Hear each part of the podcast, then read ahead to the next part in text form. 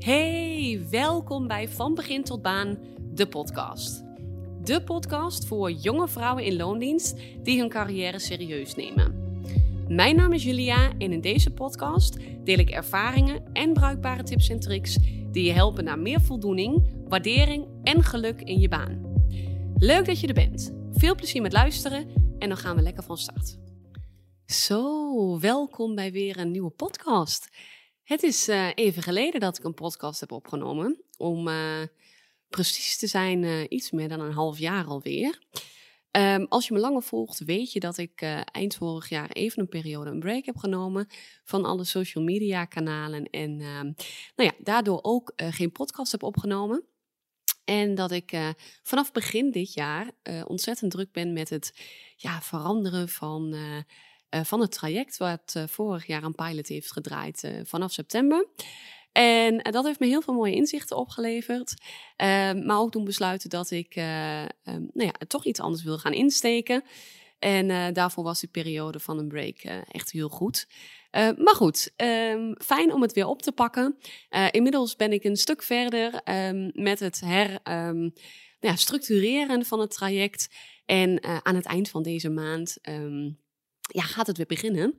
Uh, ga ik met een nieuwe groep um, ja, vrouwen, jonge vrouwen in loondienst aan de slag om hun ideale baan uh, te bemachtigen.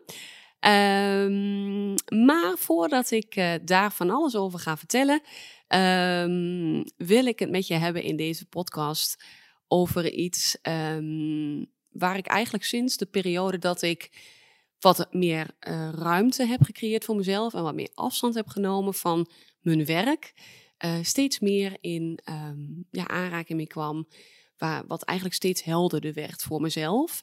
En dat is um, dat je leven ja, eigenlijk centraal staat. En dat klinkt heel logisch, maar um, het ideale scenario is dan natuurlijk dat jouw baan uh, daar een bijdrage aan levert. In plaats van uh, ja, dat het je leven op zijn kop zet of dat het je beperkt. Um, dus daarom wil ik het met je in deze podcast hebben over het uh, naadloos aansluiten van je baan op je ideale leven. Um, ja, want steeds vaker um, zijn er jonge vrouwen die niet weten wat ze willen in hun carrière. Of niet weten waar ze moeten beginnen. En daarom maar blijven in hun huidige baan, die ze eigenlijk niet gelukkig maakt. En zelf heb ik dat ook een periode gehad. Ik heb bijvoorbeeld anderhalf jaar te lang in mijn eerste baan gezeten. Um, terwijl, me die, terwijl ja, die me niet gelukkig maakte. En het resultaat daarvan is dat je er dus privé last van krijgt. Je bent met niks anders meer bezig in je hoofd. En ja, je bent misschien wel niet te genieten. Hè, ik zelf had het bijvoorbeeld ook dagelijks met uh, mijn partner over ja, mijn baan. En uh, vorig jaar opnieuw, toen ik um, ja, ook weer in een baan zat wat me eigenlijk niet diende. Um, hoe fijn zou het dan ook zijn dat je baan juist een aanvulling is op je leven en dat je leven verrijkt. En nou ja, om eerlijk te zijn, um, had ik me dat een aantal jaren geleden ook niet kunnen voorstellen dat dat dus kon. Uh, ik was er namelijk van overtuigd dat het werk, ja, dat werken nou gewoon eenmaal bij hoort en dat het niet altijd leuk hoeft te zijn. Kleine spoiler alert tussendoor. Um, dat is het nu ook niet altijd. Maar in de kern is het wel wat ik het liefste doe. Um, want, nou ja, goed, je hebt gewoonweg niet altijd zin om bepaalde dingen te doen. Uh, die op dat moment nou eenmaal moeten. Maar dat betekent natuurlijk niet dat het niet leuk is. Um, want altijd ga ik nog aan het einde van de dag, um, als ik op kantoor ben geweest, met een fijn gevoel naar huis. En ben ik er niet meer in het weekend mee bezig. Of zie ik er tegenop om uh, maandag weer aan de slag te gaan. Maar goed, uh, terug naar het verhaal. Um, mijn referentiekader was destijds opgebouwd vanuit mijn eigen ervaringen na mijn studie. Dus bij de werkgever waar ik toen terecht kwam. En dat is misschien heel naïef, maar ik nam dat als waarheid aan. En ondanks dat ik bepaalde dingen wel vreemd vond, um, ja, heeft me dat niet direct aan het denken gezet. En uh, dus ook niet de aanleiding gegeven om actie te ondernemen. Een voorbeeld daarvan is bijvoorbeeld dat ik pas, uh, dat me werd verteld dat ik pas kon doorgroeien naar een andere functie nadat ik twee jaar in dienst was. Uh, en als ik daar nu op terugkijk en ook, uh, nou ja, ik zit natuurlijk in, in het HR-vak, is dat niet iets wat ik aan mijn medewerkers um, wil, wil vertellen en dat ze dat gevoel wil geven. Maar goed, kortom, je kunt dus verstrikt raken in de mogelijkheden. Helemaal dus als je een beperkt referentiekader hebt. En dat is ook weer niet gek, want ja, je moet natuurlijk ergens beginnen. Um, maar je kunt dus verstrikt raken als je twijfelt over wat je het liefste zou willen doen. Ik vond bijvoorbeeld heel veel dingen leuk, waardoor ik niet kon kiezen. Nou, als je dit herkent en benieuwd bent wat je zelf kunt doen, dan heb ik de volgende tip voor je. Hij lijkt misschien simpel, maar het vergt wel een andere mindset en blik. En daardoor is kan het een beetje oefenen zijn in het begin.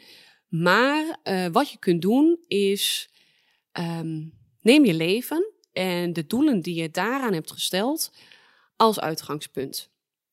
Dus bekijk alles vanuit een groter perspectief. Welk leven wil je graag leiden? Hoe zie je de toekomst voor je? Um, als je jezelf bijvoorbeeld over een paar jaar ziet, wat doe je dan elke dag? Rij, hoe, ver, hoe ver reis je bijvoorbeeld voor je werk? Ga je misschien wel uh, langs verschillende landen? Heb je een internationale baan? Of vind je het juist fijn om, uh, of zie je jezelf bijvoorbeeld op de fiets terugfietsen om vijf uur, uh, om dan lekker aan het eten te beginnen en met je gezin aan tafel te zitten, waarna je niks meer hoeft? Hoe zie je je leven voor je? En als je dit in beeld hebt, kun je vanuit daar verder werken naar je ideale baan. Omdat je namelijk vanuit jezelf kijkt en niet vanuit de vacature, is de kans groter dat je uiteindelijk een baan bemachtigt die dan ook perfect bij je leven aansluit. En dat is natuurlijk um, misschien ja, makkelijker gezegd dan gedaan. Het is een aanpak, uh, een aanpak die ik altijd eigenlijk toepas. Um, voor heel veel mensen is dat best vreemd, omdat je uh, normaal gesproken denk je, nou, ik ga eens kijken welke vacatures er allemaal zijn. Alleen het lastige daarvan is dat A, niet alle vacatures staan online. Uh, B, um, ja, de vacatures die online staan zijn ook nog behoorlijk verschillend. Als je het hebt over eenzelfde functietitel, kan de inhoud wel bij vijf uh, bedrijven vijf verschillende inhoud hebben. En de vacaturetitels zijn ook nog eens overal anders. Dus als je dan de inhoud bepaalt of weet, dan is het ook nog eens lastig om dan te gaan zoeken. Omdat het bij de ene noemen ze het X en bij de andere heet het Y. Dus hoe weet je nou hoe je moet zoeken? Nou, en van vanuit daar dat ik zeg, kijk dan vanuit jezelf. Wat vind jij belangrijk en um, hoe zie je je leven voor je? En dat je het op die manier dan gaat invullen. Nou, en met dit en meer coach ik je tijdens het Droombaantraject. En het Droombaantraject is het in op één carrière coachingprogramma voor iedereen die in hun huidige baan niet op hun plek zit, dat wil veranderen, maar niet weet waar ze moeten beginnen. Ik leer je in drie maanden alles wat je moet weten over het bepalen, creëren en bemachtigen van jouw ideale baan, zodat je voldoening, waardering en geluk uit je baan haalt, een fijne werkplek krijgt en eindelijk rust ervaart, ook op privévlak. Nou, ben je benieuwd wat het voor jou kan betekenen? Meld je dan deze week nog aan voor de wachtlijst, zodat je veel mooie extra's ontvangt als je besluit in te stappen. En je krijgt als eerste de mogelijkheid om een van de beperkt aantal plekken te claimen. Zondag sluiten de deuren van de wachtlijst, dus meld je nog snel aan. Als laatste trouwens nog een kleine toevoeging. Um, het Droombaantraject is een carrière coaching traject, ook wel loopbaancoaching genoemd. Um, wat betekent dat je werkgever het in het kader van je ontwikkeling zal kunnen vergoeden. En bij veel bedrijven heb je een IKB, en dat betekent individueel keuzebudget. Um, dus wellicht dat jij dat ook hebt. De kosten voor het één op één traject kun je dan ook in overleg met je werkgever onder je individueel keuzebudget laten vallen, waardoor de kosten ervan voor rekening van je werkgever komen en jij er dus geen uitgaven aan hebt. Uh, heb je geen individueel keuzebudget, dan is de WKR, werkkostenregeling, wellicht een alternatief. Ehm, dus mocht je interesse hebben, gooi alvast een balletje op, zou ik zeggen. En uh, mocht je niet goed weten hoe je dit moet aanpakken, stuur me dan even een berichtje en dan uh, help ik je daarmee.